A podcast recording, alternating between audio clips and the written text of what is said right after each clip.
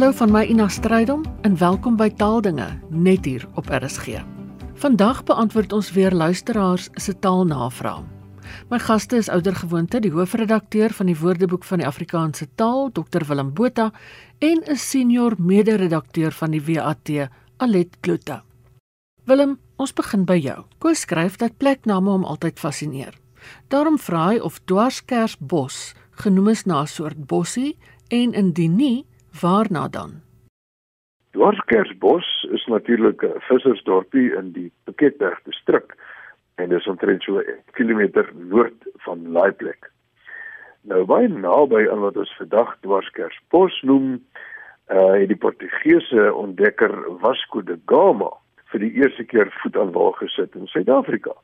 En wel op 7 November 1497 toe hy die wat nou bekend staan uh, as Sint Helena Bay uh verken het. Uh nog 'n stukkie geskiedenis uit Dwarskersbos is dat 'n uh, geweldige golf van 6 meter hoog het Dwarskersbos op 27 Augustus 1969 getref en wat baie skade aangerig het. Nou die naam uh hy die luisteraars vra of die naam van 'n bossie kom. Ja, dit kom wel van die bossie met die Afrikaanse naam Kersbos. En sy taksonomiese naam is Euclea Leandra. En uh, dit ek weet nie hoekom dit die dwarskersbos geword het nie. Die kersbos, ek het nou nie my navorsing heeltemal voltooi nie. Miskien kan die mense van dwarskersbos 'n bietjie skakel. Is dalk 'n bos wat regom groei soos 'n kers. En uh hoekom hy nou dwars is, weet ek nie. Miskien um, as hy so naby die see groei, dan waai die see hom so na een kant, die wind hom na een kant toe. So miskien is daai bossies almal dwars staan, almal skeef. Ja, is dalk dwars gewaai. Alet Pieter Bosman van Johannesburg wil weet wat die oorsprong is van die uitdrukking soos die kraai vlieg. Al sy bronne, insluitend die van Anton Prinsloo, gee slegs die betekenis daarvan, naamlik om in 'n reguit lyn te vlieg. Ja, Ina, nou soos dit ons met uitdrukkings die geval is, kan ons hier ook nie altyd presies sê hoe die uitdrukking ontstaan het nie. Maar ek gaan net 'n mineraalskoot waag. In Engels het ons as the crow flies in 'n Nederlands soos die kraai vlieg. Pieter haal dan ook aan uit 'n werk waar hy van tevore aangehaal het met 'n navraag, naamlik When They Were Birds van Roy en Leslie Atkins. En daarin word daar gesê dat dit eintlik moet wees as the rooks fly. Want roeke, wat Europese voëls is wat naverwant is aan ons kraaie, het die gewoonte om dan saans in swerms baie myle af te lê na 'n nes wat iewers ver weg geleë is. Maar regtig die geskiedenis is kraaie wat alleenlopers is of dan nou alleen vlees en roeke dikwels met mekaar verwar en is die name ook uitruilbaar gebruik. Ek dink dit is veilig om te aanvaar dat ons hierdie uitdrukking uit Nederlands gekry het. Alhoewel daar sekerlik ook ander voëls is wat in reguit lyne vlieg, uh dink ek daar's miskien twee redes waarom die kraai juis in die uitdrukking gebruik word. Eerstens is voorkundiges dit eens dat kraaie en hulle verwante die slimste van alle voëls is. Daar is al boekdele geskryf oor die ongelooflike intelligensie van rawe en roeke wat dan nou ook na familie is van ons kraaie. En as daar dus 'n voël is wat sal weet wat die kortste roete tussen twee punte is, dan sal dit die kraai wees. Tweedens het kraaie 'n belangrike rol in die Europese en dis nou ook die Afrikaanse volksgeloof gespeel. Wodan, dit was die oppergod van die Germaanse godsdiens, het twee kraaie gehad en hulle het vir hom die nuus gebring. Verder is daar geglo dat kraaie die toekoms kan voorspel. Die boodskap wat dan nou voorspel of die voorspelling word gewoonlik afgelei van die aantal kraaie wat daar verskyn. 1 dui op ongeluk of teleurstelling en 2 op geluk en voorspoed. Nou dink ek dat die prominensie wat in die Afrikaanse volksgeloof aan kraaie verleen word, waarskynlik die veelvuldige gebruik van kraaie in idiome verklaar. As ons kyk na die uitdrukkingsrubriek van die lemma kraai in die Woordeboek van die Afrikaanse taal, dan getuig dit ook wel deeglik hiervan. Willem Marita sê dankie vir 'n interessante program en sy die volgende vraag. Wat is die oorsprong van die woord gasvry en wat is goeie Afrikaanse woorde vir hospice en step down? Maar Rita, ehm um, eerstens dan nou net as iemand gasvry is, dan is so 'n persoon iemand wat mense hartlik onthaal en uh, ook aan hulle miskien huisvesting gee. Nou dit kom uit Nederlands gasvry en dis in 1542 vir die eerste keer opgeteken en dis dan 'n samestelling van gast wat 'n gas is en vry. En hierdie vry en gasvry is in Nederlands nog in die oorspronklike verouderde betekenis gebruik van vrygewig of gul. So as jy gasvry was, dan was jy vrygewig of gul met gaste.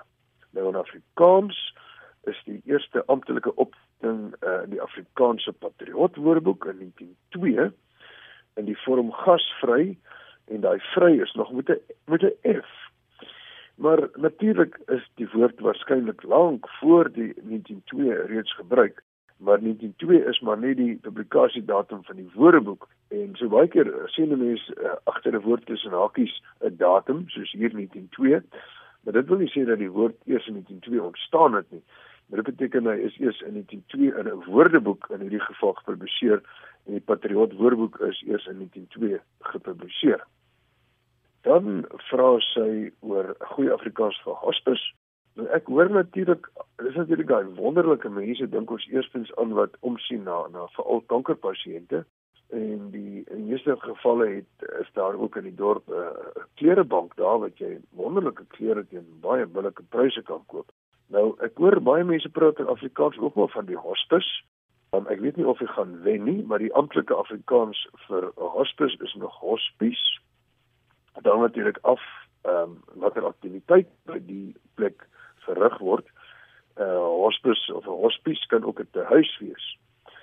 Nou 'n klooster beteken 'n uh, hospice ehm um, uh, dan 'n uh, tipe van 'n gasthuis of 'n hospitium waar mense verblyf kan kry, buite mense wat nie in die in die, die klooster woon nie. En ehm um, natuurlik die Engelse hospitable wat wat gasvry beteken kom van dieselfde stam. En wat is hierdie stam? Die stam is hospice in Latyn. Dit is 'n gas. Maar dit is terselfdertyd ook die gasheer. En daarvoor het ons ook hospita. Nou die hospita is die gasvrou of ook dan nou 'n vroulike gas.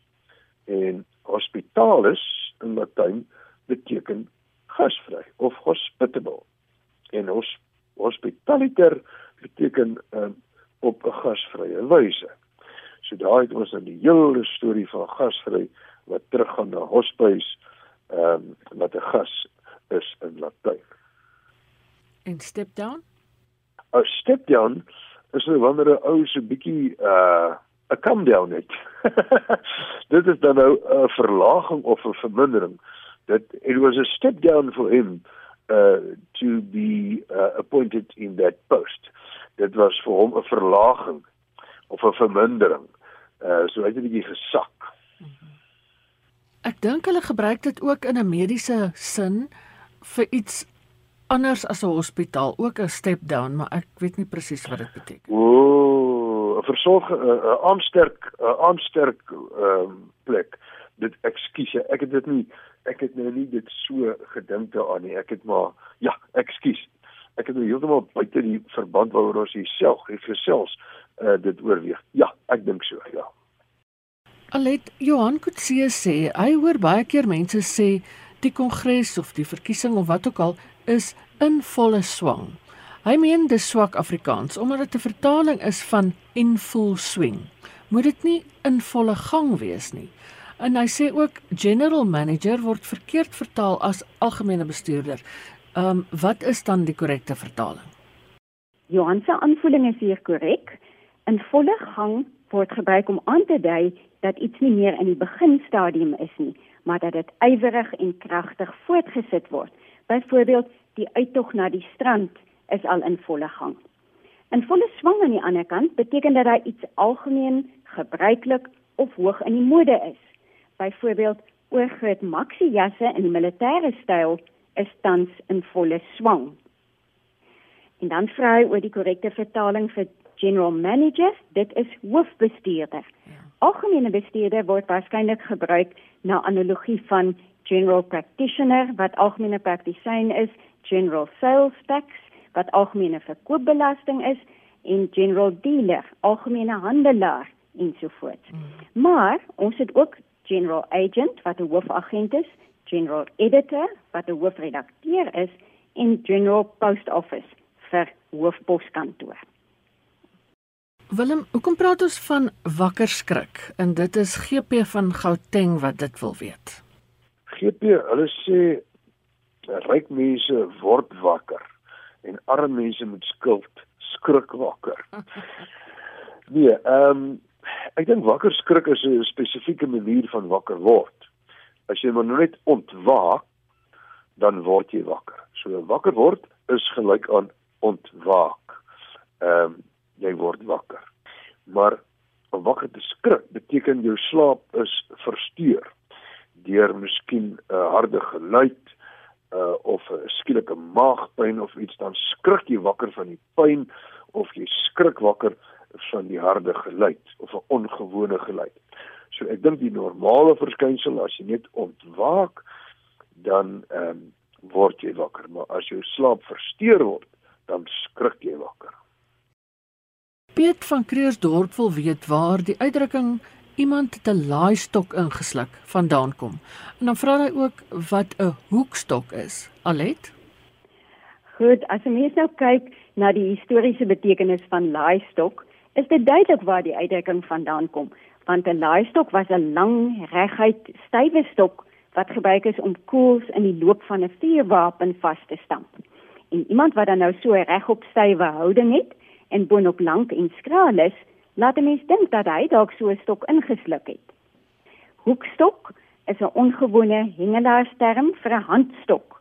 En 'n handstok, anders as 'n katroolstok, is 'n lang, slapperige visstok met die vislyn voor aan die punt vasgemaak. Nou die WAT-opgawes van hoekstok kom uit die Stilbaai omgewing. Verder het ND Teenstra, hy was 'n Hollandse reisiger in Suid-Afrika en in sy boek De vrugte myner werksaamhede doen hy dan verslag van sy verblyf aan die Kaap van die 12de Maart tot die 7de Julie 1825. En hierin beskryf hy so 'n hoekstok. Hy sê dit bestaan uit 'n bamboestok ongeveer so lank soos 'n sweepstok. Hieraan word dan 'n lyn vasgemaak wat 2 tot 3 keer so lank moet wees as die stok en aan een end is daar dan die twee hoeke en aan die onder end 'n stuk lood. Willem, wat is die herkoms van bra? Soos in bra ongeskik, wil Braam van Kaapstad weet. Ja, mense sê natuurlik nou onmiddellik van wat nou van die ander ander bra wat 'n beestieluifie is, kom uit Engels bra en dit is nou weer 'n verkorting van brassiere.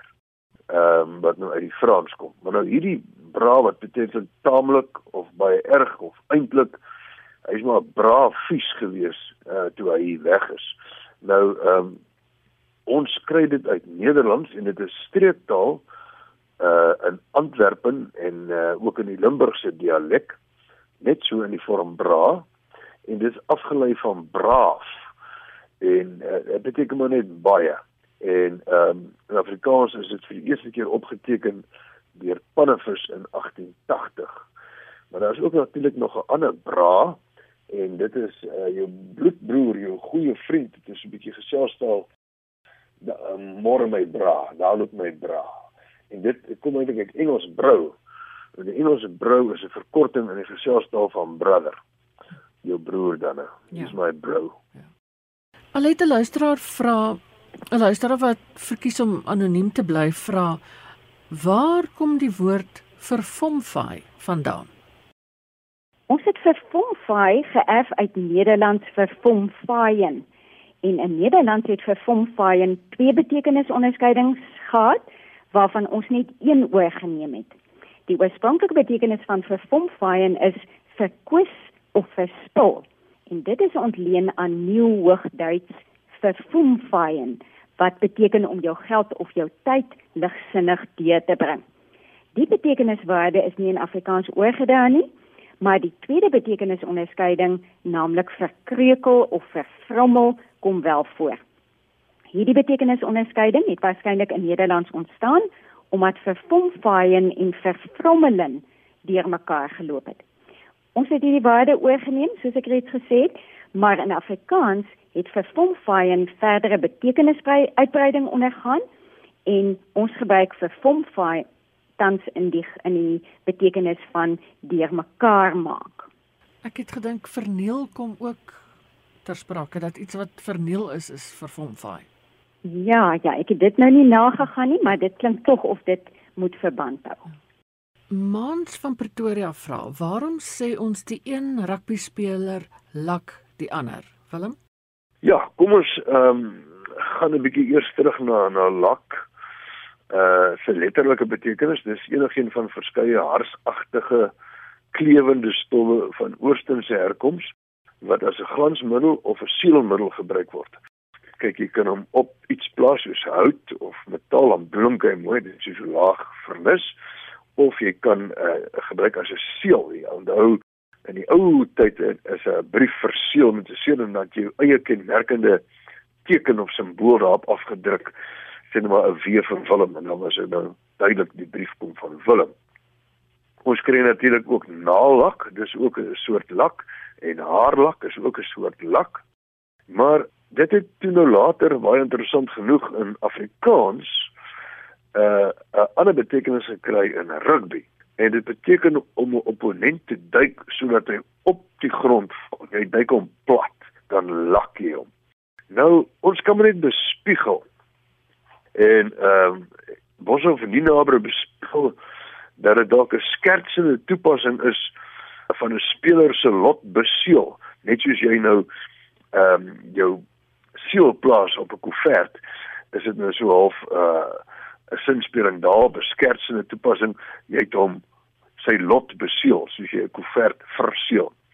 Of dit kan 'n sinspeling wees op die vashegting van 'n speler aan die grond, soos wanneer jy iets moet lak, las of plak. So dit is iets tussen al daardie moontlike verklaringe maar ek dink ons is almal daaroor uh, een dit eens dat dit kom van lak, die plakmiddel of die glansmiddel en dat dit 'n figuurlike of skertsende toepassing daarvan is. Let skalk van Rodepoort vra op die SMS lyn of 'n mens 'n komma gebruik voor die voegwoord en asook voor ander voegwoorde. Nou in die geval, soos in die in die meeste gevalle, is dit die veiligste om ons op die AWS te verlaat, die woordlys en die spelreëls. Die funksie van 'n komma is om 'n ruspunt in 'n sin aan te dui en dan die leesbaarheid en die begrip te verbeter. 'n Mens skryf 'n komma voor die voegwoorde al, derhalwe en gevolglik. 'n Mens kan ook soms 'n komma voor dog of maar, aangesien en hoewel of of skoon, mits en want gebruik en dan ook selde voor omdat maar daar kom gewoonlik nie 'n komma voor dat nie. Dit was Dr Willem Botha en Alet Kloete van die Woordeboek van die Afrikaanse taal. En as jy wil help verseker dat hierdie omvattende Afrikaanse Woordeboek voltooi word, borg 'n woord. Al die besonderhede is op die WAT se webwerf. As jy taalnavraag het of wonder wat is die herkoms van 'n woord of 'n uitdrukking, laat hoor gerus van jou. My e-posadres is ina@rsg.co.za. Die potgooi van hierdie en vorige programme is op RSG se webwerf beskikbaar. rsg.co.za. Klik op potgooi en T vertaal dinge. daarmee is dit groetheid. Geniet die res van die dag in RSG se geselskap. Bly veilig, bly gesond en van my Ina Strydom groete tot 'n volgende keer.